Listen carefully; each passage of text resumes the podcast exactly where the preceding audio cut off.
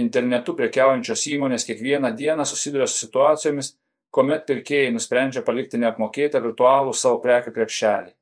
Kokios yra dažniausios to priežastys ir kaip mažinti apleistų virtualių krepšelių kiekį, atsako elektroninių parduotuvių nuomos įmonės Asgoprent vadovas, elektroninės prekybos specialistas Deividas Jurčiukonis.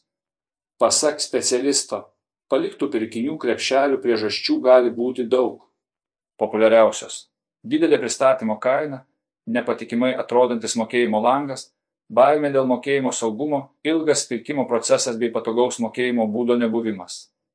Pirkėjams taip pat gali užkliūti L parduotuvėje nurodytų kontaktų nesutapimas su mokėjimo patvirtinime matomais kontaktais. Siūlo pažvelgti iš vartotojo perspektyvos. Siekiant sumažinti paliktų pirkinių krepšelio rodiklį, visų pirma visada reikia save pastatyti į pirkėjo poziciją ir pagalvoti apie tinkamą informacijos apie prekes pateikimą. Taip pat apie pristatymo terminą. Jeigu informacijos žmogui užtenka, prekė tikrai bus pridėta į pirkinių krepšelį ir pirkėjas perės prie užsakymo apmokėjimo žingsnio. Ar pirkimas bus užbaigtas, priklausys nuo pristatymo, mokėjimo būdų pasirinkimų įvairovės bei pristatymo kainos, akcentuoja Dėjų Čiukonis. Ezobrent vadovo teigimu, užsakymo apmokėjimo žingsnėje žmogui yra svarbu suprasti, kaip greitai prekes bus pristatytos, taip pat turi būti pateiktas platus pristatymo būdų pasirinkimas. Pavyzdžiui, žmogus gyvena mikrorajone, kur artimiausias paštomatas yra LP Express, o parduotuvėje pateikiama galimybė pasirinkti tik DPD paštomatą ar atvirkščiai. Toks nepatogumas, tikėtina, pirkėją paskatins ieškoti prekes kitur. Tačiau net ir turėdamas didelį pristatymo būdų pasirinkimą, vartotojas gali atsisakyti pirkimo dėl neprimtinos pristatymo kainos. Todėl prekyba vykdančių asmenų tikslas pasirūpinti platesniu pristatymo būdų pasirinkimu ir tinkama pristatymo kainodara. Komentuoja specialistas. Patogaus apmokėjimo svarba auga. Pasak Dėjų Čiukonio, atsiskaitimo etape ne ką mažiau svarbus yra ir mokėjimo būdų pasirinkimas. Klientas, patekęs į atsiskaitimo langą, turi jausti saugiai ir matyti galimus mokėjimo būdų pasirinkimus. Mokėjimo procesas turi būti trumpas, sklandus.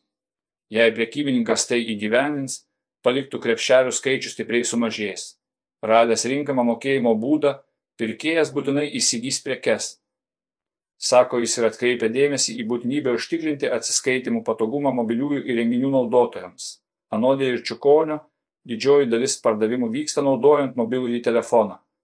Pasaulinėje rinkoje pirkimai per mobilų įrenginį sudaro daugiau nei 79 procentai, Lietuvoje apie 73 procentai, dėl to patogių atsiskaitymų mobiliuoju telefonu poreikis auga.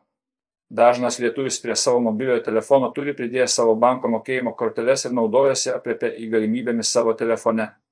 E-komercija vystosi labai dideliu tempu, o pirkimai atlikti mobiliuoju telefonu kasmet vis didėja. Anksčiau perkant internetu buvo įprasta atlikti bankinį pavedimą pagal mokėjimo rekvizitus, vėliau šį mokėjimo būdą pakeitė automatizuotas mokėjimo būdas pirkimo procesas supaprastėjo, tačiau vis tiek tai yra pakankamai ilgas kelias pirkimo link.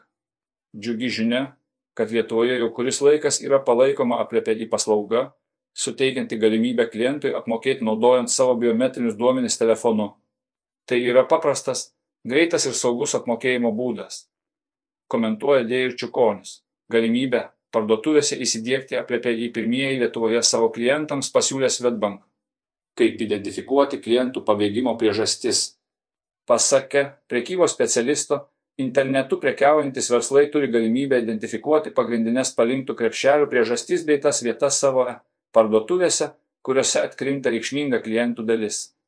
Siekiantiems identifikuoti spragas, dėl kurių netenkama pirkėjų bei paliekami prekių krepšeliai, esama specialių įrankių.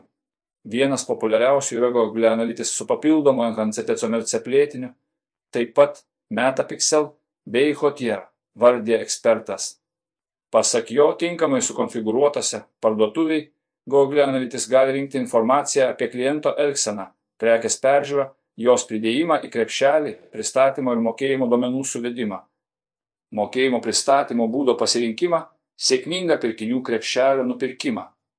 Jeigu bent vienas iš veiksmų pirkėjo nėra užbaigiamas, būna aiškiai matomas kliento kelias ką ir kaip jis darė, kurioje vietoje jis paliko pirkinių krepšelį.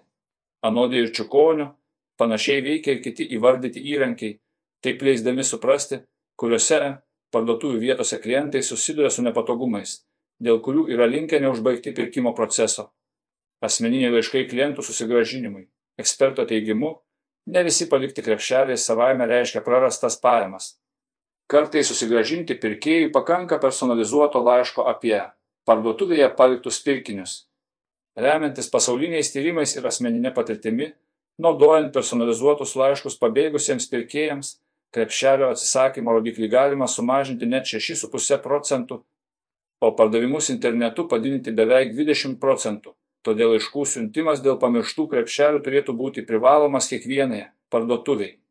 Jeigu žmogus prekę buvo įdėjęs į krepšelį, prekė tikrai pirkėjai yra įdomi.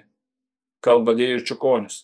Siunčiant personalizuotą laišką, jei yra galimybė, specialistas pataria klientui pasiūlyti pridėtines vertes.